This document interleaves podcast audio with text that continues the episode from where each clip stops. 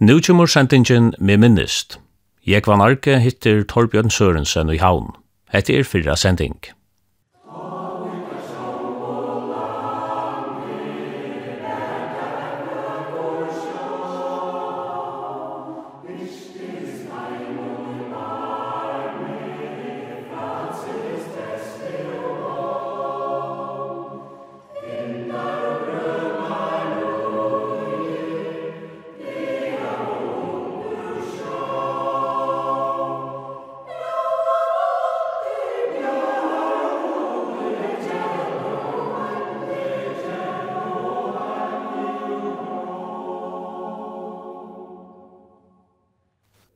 Og det han færre vite at at hitta Torbjørn Sørensen i havn, som er 3,5 år gammal.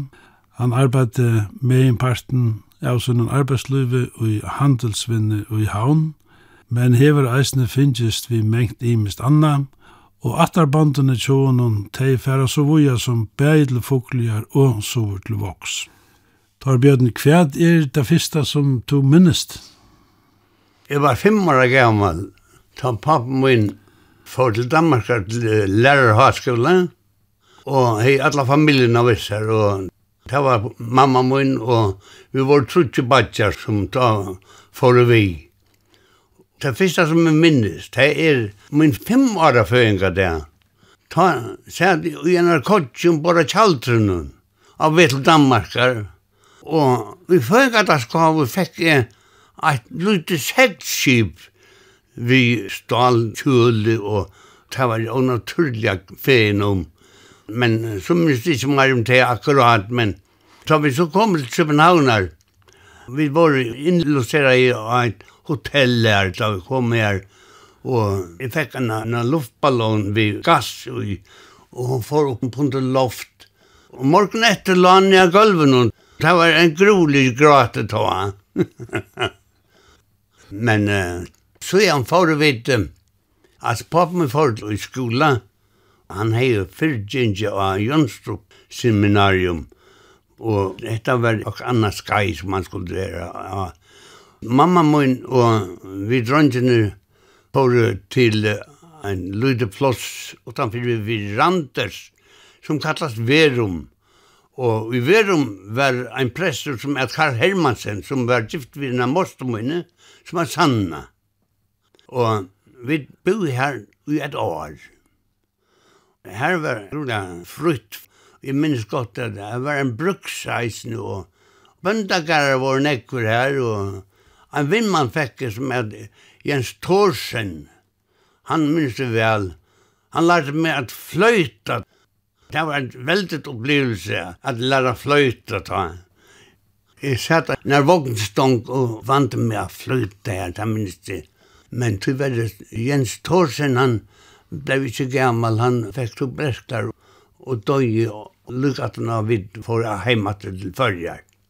Apropå tuberklar så fick bara min Paul, äste bara min, eisen tuberklar och blev inlagt av Randers sjukhus och sætne blev han flottet til Kerteminde sanatorium. Og her lå han nok så lunge hvordan lønge var jeg ikke akkurat. Og jeg om engre bæsum min, han var uh, trujara gammal. Da jeg vidt kom til heimat til fyrir, så tog han ikke snakka først. Han snakka bare langst. Men uh, kjøtt lærte han før skattet. Det var det første som jeg minnes, ja. Men uh, er alltid blitt mynter og ta ferien av i grusen og i verum prestagari. Det var en landbruks eiendommer halde i prestakarren, så her var det størst fjós som en rikva grusen var i. Ankra bønte hei en grusa farmer, og i Nørnhuset stod tvar veldig store hestar som vi var imponera over av. Det var nek, nek større enn til førskestene sjálfandi. Og grusene måtte jeg trutja. Hermansen og Sandmoster høtte trypa, men jeg har alltid bare det tvei var født da. Og han eldste at Otto, han var et år yngre enn jeg. Vi spalte godt sammen, og han skulle nok vise meg ut av fjøset, vi grusene. Og vi får så inn her og låt alla hora standa öppnar ta hugsa við ikki um og grusan at dyr og við havan seg sannum mostur og det var ikki populært Det har vi hørt nekk om, tror jeg. Er så finnes jeg nekk minner fra tog togene. Karl Hermansen kørte bil, og det var en sjølsand. Det var bare tvær bilar i havn alltid. Tredje vi for Danmark. Alt det var bare just og Jönsa Gunni. Og kanska Kristian Sandinger var reisende. Og bil, og han var reisende i Stuljan. Karl Hermansen, han var ikke hvor som helst. Karl Hermansen hei vært prester i havn, første tjonen. Alt han var tru år prester i havn. Sannmast om min blekk i realskola her i havn og bo i KFK. Jeg har alltid æsten Hermansen bo i KFK. Det råkne vi, og de funnet så sammen og giftest. De giftest i 22. Det var et dobbelt bryllupsur i Vajem det var foreldren til meg, og Sanne og Karl Hermansen, de skulle giftast den 11. desember. Men hva søren, Smiril kom ikke sur for den 12. Så det ble utsett til den 12. Appa min nu var jo Paul Ness. Han var avhåsmauer. Og Petra Gørnund var ikke avhåsmauer. Og Petra Gørnun, han hei bestilt vun til maten, og Abbe steila i, nei, det skulle ikkje være. Ja, det skulle det eisen være, sier Petra. Ja, så, så skulle det koka det av. Så det ble kort en av stora gryte av vunne, og det ble koka opp, og alt alkohol for her som det sa kom. og, og Og det ble ikke særlig populært med våpengar. Men så var det Appi, altså. Og Appi var en ivergengt løkningsmål. Og læreren var han, og han hadde bare Paulus skola.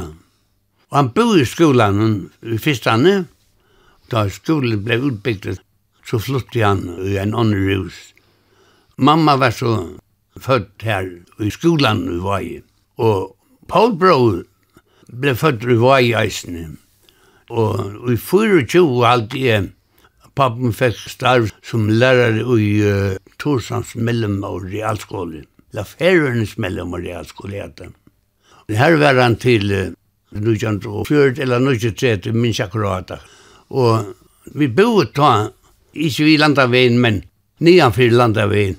Jeg kan ikke missa alle åtte i hus, Jekvann Kristiansen, han var navnskanskolelærer i Uskipare, og vi søgn av heimafyrir, her var så Thomas Askam, og så kom Paula Landaven, som vi kallt av her, og så kom Absalon Jonsen, at han av her, og så Berensen, og så vi er, så vi er. Tilgångten til husen Jokken var mittlen Askam og Jekvann Michali, om man om her, her bor vi, og pappen min er så kjøpte husene fra en midtjord, og her bor vi så til uh, 1933. Da selte pappen min husene for 3000 kroner. Så han forretningsmau var han ikke, men lærere var han god å sette i. Fyrir jeg vende atter til Karl Hermansen, ja. han var jo råherre heisen. Han ble jo kisserråherre i Danmark, og ta i kong Kristian døyge, tjei fjørt alt, ja. Ta var jeg i København, en uvgeng, og jeg var inne i Raharstående tja Karl Mats Ta kom han sjálfur Knut Kristensen og sier, kongen er død, kongen lever, alt han sier. Ja. Ta var grulig enn jeg folk, ta var i eisen ja. Kristiansborg slottsplats. Og jeg ble sjukker av det alltid, Det ble strongt at jeg måtte rymma til hus. Jeg ble glemt det, så jeg sier. Og da var jeg så allikevel 22 år. Men uh, som smadronker var jeg grula pikkløytel. Hvor var papen din? Papen min var Sækkar Sørensen av Kyrstjø. Han var sonur Søren Pram Sakariasen. Og Søren Pram Sakariasen var ein av alt det var åtta sysjon Og öll de bøttene i du Zakariasen lett navn, utan teitja Søren Bram, de blev døpt Sørensen. Men det var sistna bøtten vi henne Rikvi av Zakariasen. Ja, ja, ja, ja. Zakariasen var nekvær da. Til dømes uh, Hans Mikael, han var ein uh, stor istar i verden. Han hadde nekvær solmar i salmarbøtsene. Og Zakars Øttaild, han var uh, skipar, han var eistensson her, ja sønner Trim Mikael. Trim Mikael var badgelappa. De var i åtta sist. Fyrste ferie var fukle, som i minnes ordeligene, det var i tjej. år. Det var da i Tyskland ble vukt. Det var bare antmauer og proster og prestar her og stålvarsler. Og vi trodde badgjene var her reisende. Det var i 33. Foreldrene får det at det havner, Og vi dronjene ble verande i fukle. Det sommar. Hon ble nok vukt i mai eller juni. Og alt det sommer var vi så her. Og så har vi vært først eneste sommer ut i fukle. Inntil 15 år aldri alltid det var. Alt folk i fukle var skilt folk. Trymningar og sysnabøtt. Det var akkurat som sysken for meg. Jeg heit av naturlig godt her. Og amma var et praktfullt menneske. Hun var så onaturlig mild vi om og bøttene alltid. Men med bøttene hadde ikke ta året til henne at hun var mild. Så hun var streng ved bøttene, sa seg selv.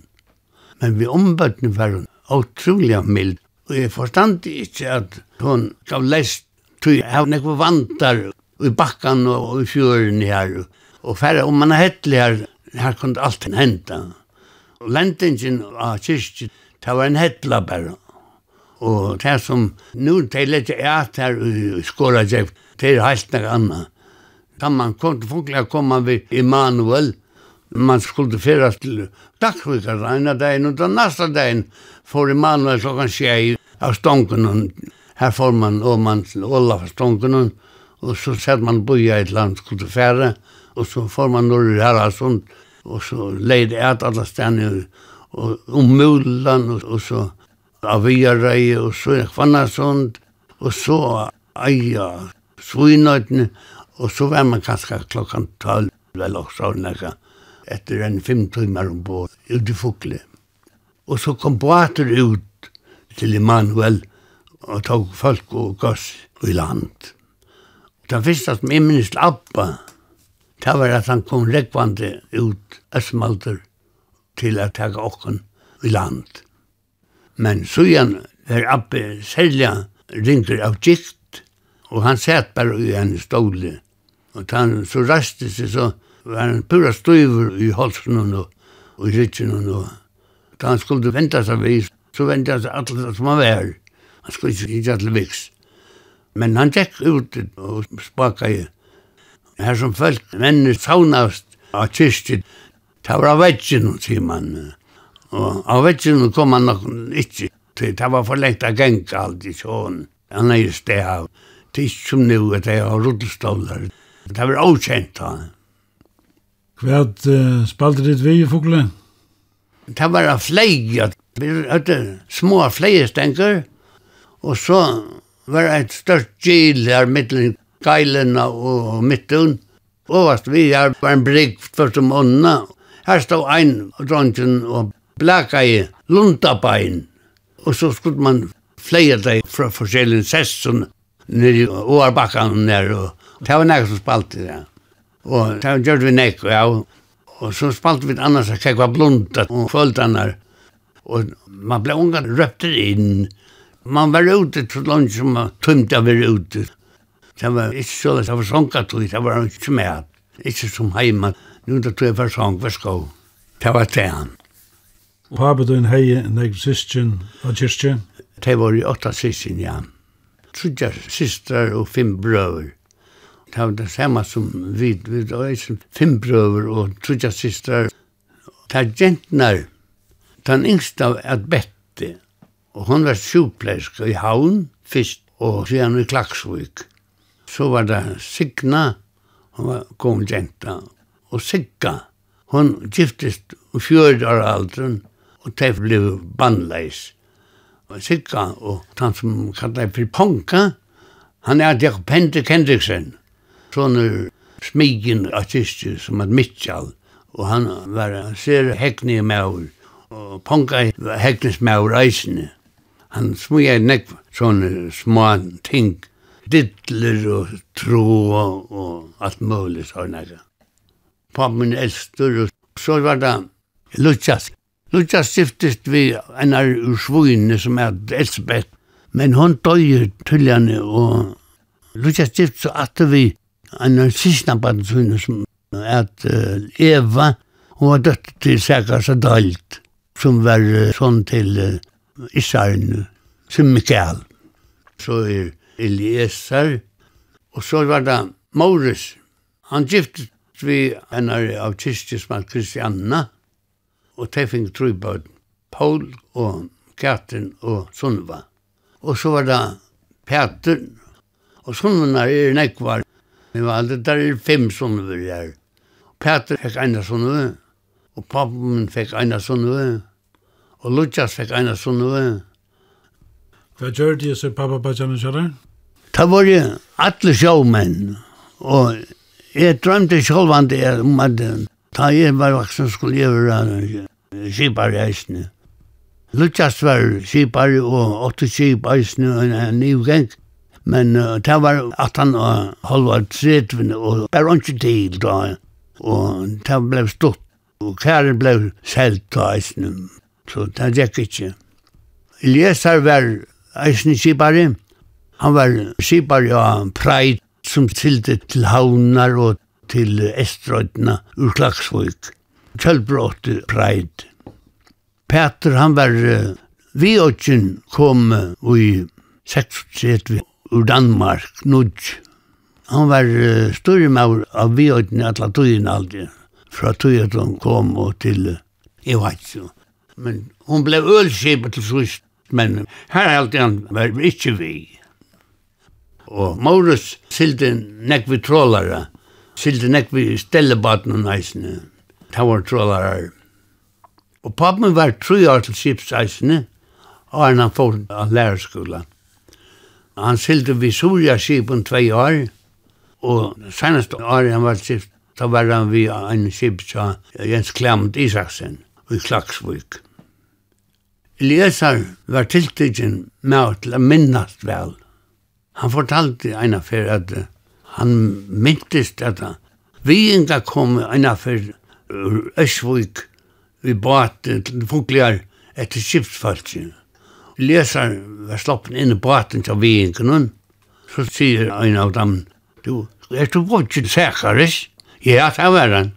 Det var spettlat for en lärarskola. Det han er så gaua, gaua fiskätning. Det var godt ut i honom, säger han ja, ja.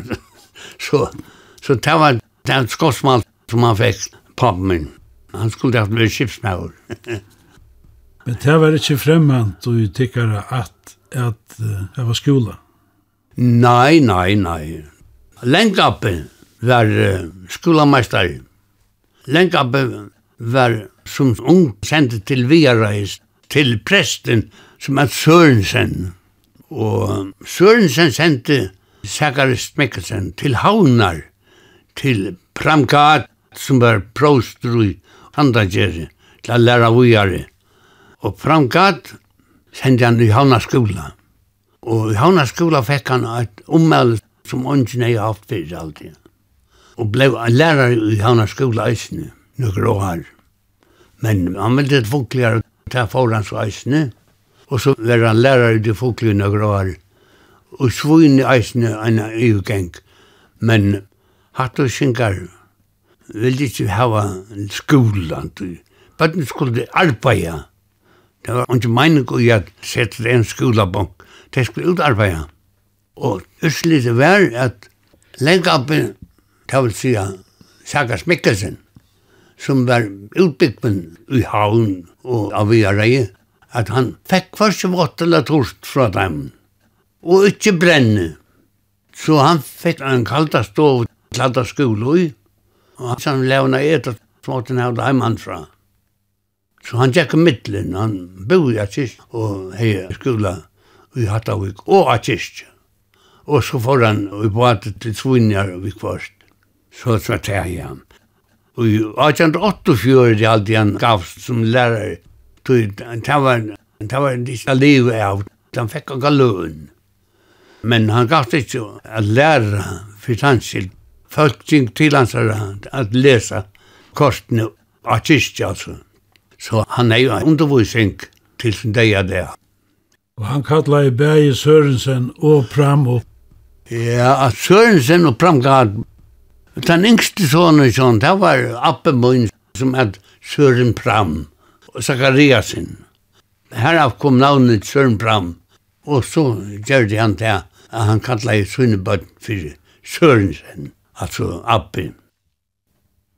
Hin atten tjatar, hon er ur Sure. Ja. Og det er bæg ur Kvalpa og ur Vai. Bæg ur Kvalpa, Nese og ur Vai, ja. Lenka ur Vai kjent jeg, han er Peter Hans Dahl.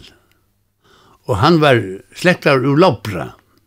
Papi hans er Adekvan Lopra. Lopra Gåen bergje bråten, råttenbønden, det var en affære. Men um, jeg var en bygg i Lobra, men det var så vindhast, at uh, det reiv alt i her, og så ville han flytta til Voks. Så her åtte han gjør eisne. Han hadde eisne gjør i Sumpa alltid. Men um, oppe hever skrivan om sina syste nått i Lobra. Morgenen tok der tætsi av. Og han sa himmelen opp i visar. Ta for han a gråta, sier han. Og han og badjansara Åli råk neitene tja oldrap, sier jekmanni, til voks. Og lengapen settist við krossli. Og badjansara Jakob, han settist av gørunum. Og han kom bare under navnet Gamla Gørenon. Her er nekva søver om gamla gørnen, og eisne om Peter Hansen, ja. Og ein atter sånne, kan man säga er Peter Hansen, som hever sommarskola lærer i havn, som nu hever vevetøyden i utvartene. Han eitir eisne etter lengama Peter Hans Dahl. Tei var i åtta sysken eisne.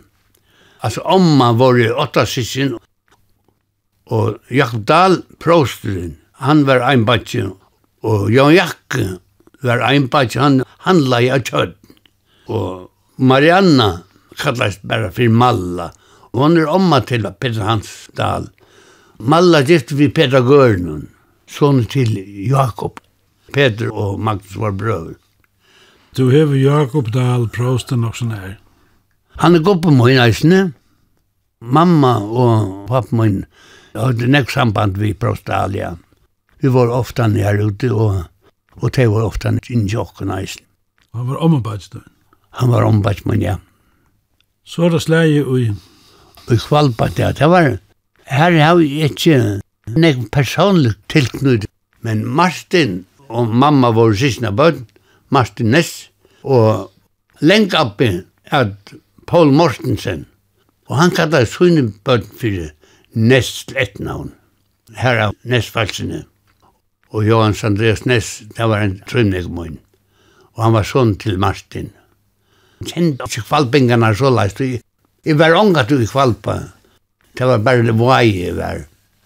Utan til at da Johan stekk lærerskola, da tjekk han nesten kvann sunnet der inn til okkara at vitja. Så han hadde vi nek samband vi. Og jeg kan eisen fortelle til at uh, en syster til Johannes, Hildegard, hun var arbeidskona til mamma, nøkker år. Hun lever ennå, bare Fems nå. Så hette vi ble halvfems. Det er nok så vanlig til i 18. Ja, jeg skiljer til at fuklingene er blinde røyla gamle. Leser ble skriven av sin hundra år av det, ja. og Maurus ble, jeg vet ikke om han fyllt i hundra år, men hundra var han så, han var 48 og deir i åtta isnes. Så det er om lei at han var 101. Og Peter han var 85 aldri da han døg. Og det var tre trutjes farbrørene. Men pappa min ble unga eldre enn 88. Du nevnte pappa din. Han var i realskolan, og så var han stjåri i kommuneskolan. Fekst vi mengt og kvæt. Ja, det gjør det han. Han var kommunalpolitikare, og kjostur var han det smittar alt det her vi er kjølstyr, jeg vet ikke. Jeg har unge til stemma annars kjølstyr, en eina fjær stemma folkeflokk, det har vi enkra i grunn. Så lær seg det. Skolavesne under grunnen, det var papen og Tim Palkonøy, det var inspektører for alt skolavesne i fyrjun, og tar ferast rundt til skolanar, kan jeg jo, det var i Jordal nevningarlisten til er pappen eisne, til ratsvesne eisne. Sjommars heime, her var nevnt av limmer, til som de hadde alltid. Og Dekner var han eisne i 40 år. Og etter tært ble Paul Bror, Dekner eisne. Du tjekst du skola til pappa dun. Hva domtar det? Ikke særlig godt. Jeg helt av være strengar vi med enn adrenalinebøttene. Og det er en naturlig ting. Det råkner vi. Men det var bare det ene året til bedre. han var år for å være en streng skolelærer, men en god lærer i eisene, som uh, tilkommende og vaksen. Hei er nok nekk vi fiskacentralen å gjøre, vi min arbeid ut av Balslev. Her var Respalja Reine. Han ble unget kjedd av at rosa pappa min, hvor god rockenlærer han var. Ja, pappa min var særlig god til høyrokning. Jeg hei en rockmaskine, og så platt vi da kappa så leisand. Jeg kunne rockna tvei trusifra i tull, ganga det vi kvar nøren. Jeg snurra i en maskinina rundt, men pappen var nekk fyrir alltid, i høttene. Jeg spurte han hvordan det var til at han, så jeg tar han visste han ikke. Tar jeg torve, så jeg kan rockna i høttene bare ta en versmalter. Og her har kommet det, sier han. Gå evne til tøl. To fest og i skola ta jeg til kom atter nirefra, og ta var i kommuneskola. Ta har jeg så vært seks år gammal. Jeg har en mynd fra tog alderen her, og her er det sånne guttar som uh, Nils Debes, Ebbe Mortensen, S. Arke, William Torsheim, og Axel halde, Axel til Jakbans, halde essen var her. Og så er det nekva gente. Han det her som var gift i, i Øster, i Kirsbøk, hon var reisen her, ja. Hun gav meg en sa mynden av minst det. Og så var det ukvås ein gente, tja Jens Reinhardt. Og så var det Arjafall, det minst ikke hvor det var. En nok store klasse. Og to William Torsheim, til kommer vel på slutt? Ja, ja. Ja, ja, det var det ikke. Ebbe og Viljarmi. Der du kursen med vi. Det var en lenge skolabunche da. Vi så trutjer og en bunche. Jeg er med henne. Ebbe og Viljarmi der skumpa til mun og fikk meg grøyna. Sjall frukken Siversen. Ta kom man etter meg. Fingrarna ut av borren. Spanser, ja. Ikke tar jeg sier for det var. Nei. Ai, ai, ai. Men uh, som smadrongo var det grula pikkelutl. Da jeg kom i fyrsta klasse i kommunskolen, så ble jeg glad, nek for arkavreisen. Så jeg var så pikkelutl. Jeg aldri var minster. Her i mor og jeg var nøklanda stromestøt alltid. og Epp Mortensen. Men jeg er en grula gau av vin i Meinar Grønlandet. Han var stor og sterkur og ta, ta vernaka gælis, så leida jeg bare etter meinar, og så var han min løyverja her, alltid. Og vi hadde godt samband bare. Men her var nekve gode lærerreisene. Jon Davidsen Berensen, Helena Berensen eisene, og Peter Snick, Peter Paulsen, og fru Bayer, han sjálfur uh, kampan, og Venningsted, Gamle Kjell og Lytle Kjell, der Bayer. Gamle Kjell, han lærte okkur skønnskrift, vi skulle halda pennen så lais at han peika i mot jarstanen. Så skulle halda pennen. Det skulle være skaive pennar, ikke da beine. Så skriva med penn. Trykka det rett at jeg. Jeg var angre til last å skriva penn til likevel. Men til ivist vi tog. Til dømes har jeg et uh, skriv som Abbi i Sore, Tautia Bolle, Ness, har skriva som smadrongur. Og det er akkurat som prenta. Han skrøtar i kvalpa. Man har du og mynda vel allast. Tui, jeg har inntrykk av at det var sarin appi som tog det vel å skriva. Det er så ogjant vi tog. Kommuneskolen var i grådhusen av vaklen. Ja. Grådhusen av vaklen, det er vikt i 1845. Her tjekk jeg i fyrsta og trygga i lepp enn klasse om til flere som jeg har gjort det eisen. Fjore og femte. Og så får jeg ui fyrirreisingarklassan som er ta et forberedelsesklassan i realskolan. I fyrsta, anna og tria. Og fjora middelen og så ui real. Her var gode lærerreisene. Kristoffer Lutzen var ivlærere. Og her var Hans Andreas Storus, Rikard Long, Thomas Nygård, Haraldsen, Jaktell fra en ikke for gløyma. Han hadde vi i danskun. Ikke at folk gløyma, ja.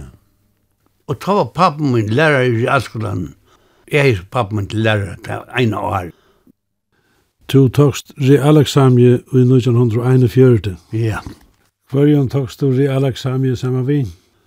Det var uh, Erik Ludvigsen og Bisse Ludvigsen, Sigrun i Ulvarhusen, Klam Jakobsen, Jan Jakke Thomsen ur Vestmanna, Kristoffer Kristoffersen Vestmanna, Henrik Kristoffersen Vestmanna, og Sjur Lutzen og Nis Vesterby var her, og Herre Mål.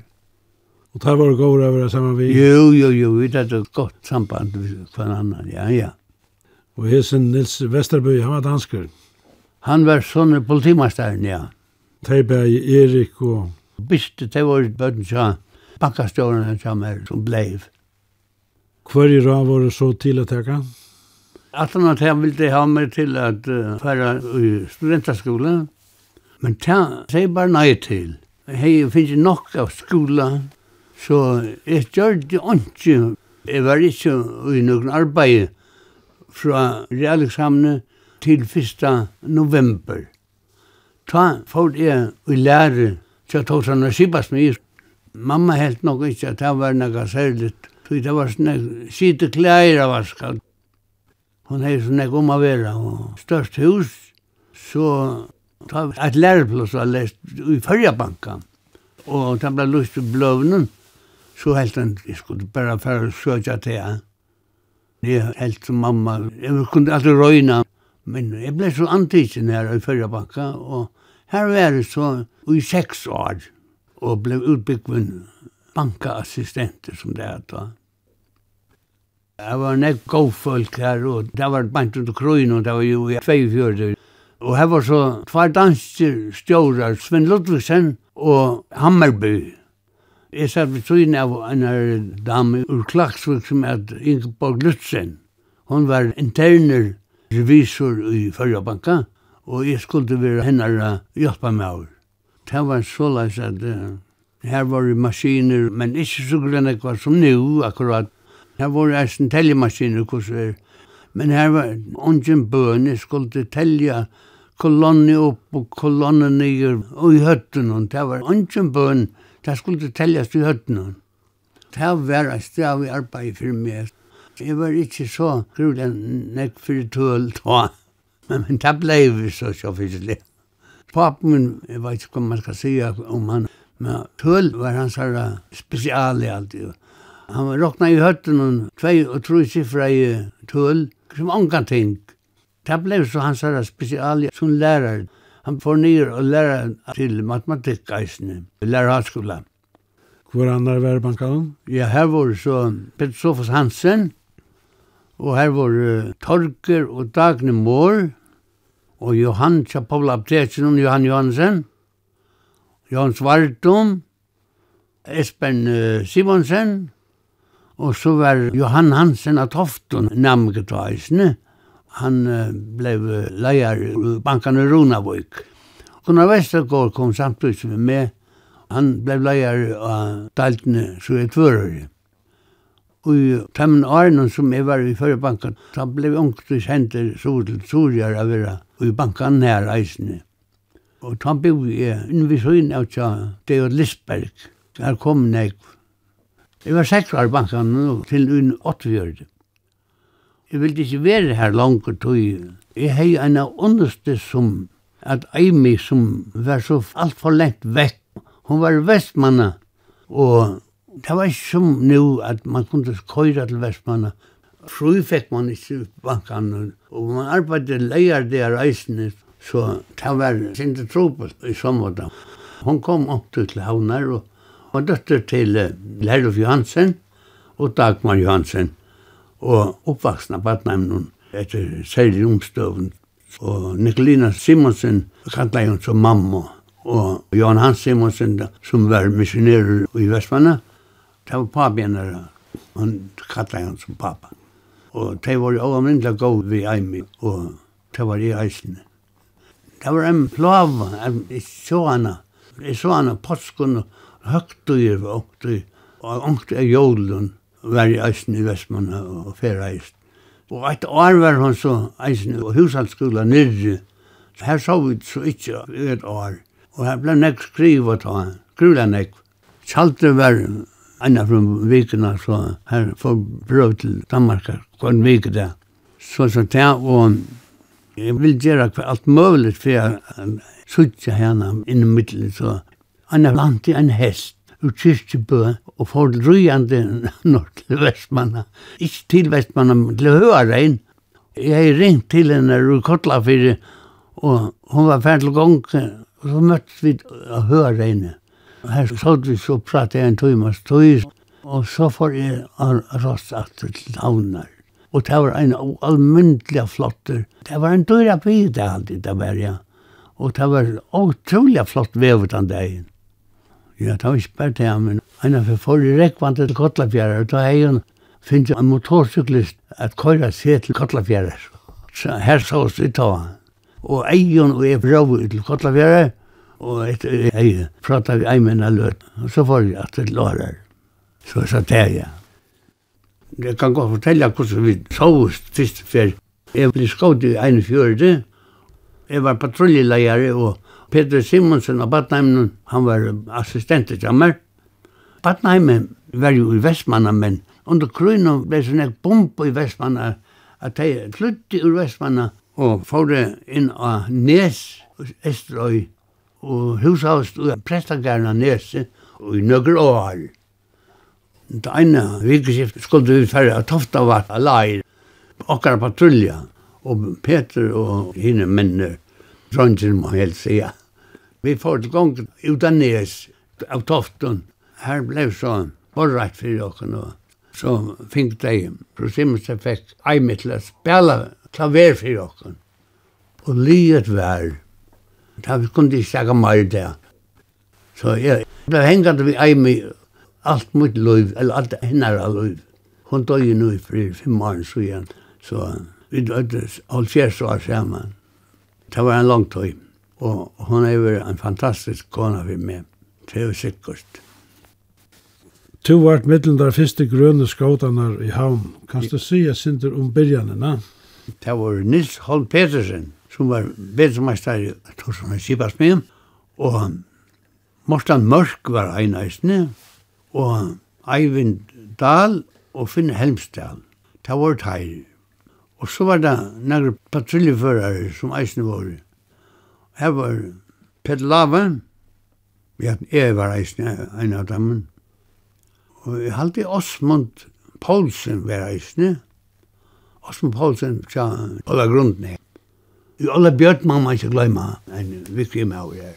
Alle Bjørn lever enn, og jeg er farvidjan. Hva uh, gjør du dit? Det er vanlig, Man har bøker at lese på hva du skal ta gjøre, ikke sant? knyta knutar og sånne. Og så, så var det at skaffa bonar det var et problem. perfekt fekst til kjeps. Så spalte vi så forskjellig. Og ta sommeren så kom og var så for våre turer.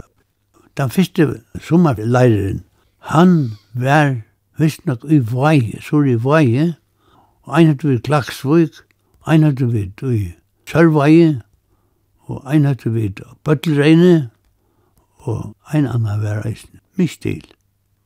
Men utanlandet, det var ikke talan om det. Hver hilde det til i bøynen? I KFM, i KFM var ta i kjattlarna låsene. Jeg kom anka tøyne igjen i den nødja KFM her. Ta var jeg givet som skått.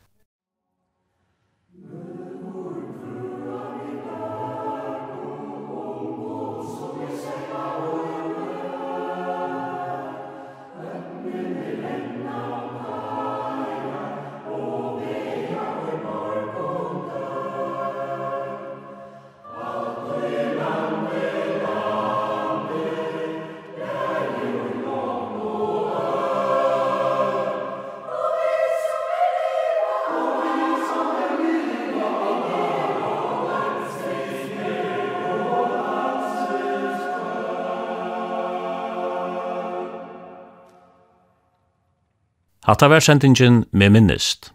Jeg var narke hitte Torbjørn Sørensen i havn. Hetta var fyrra sending.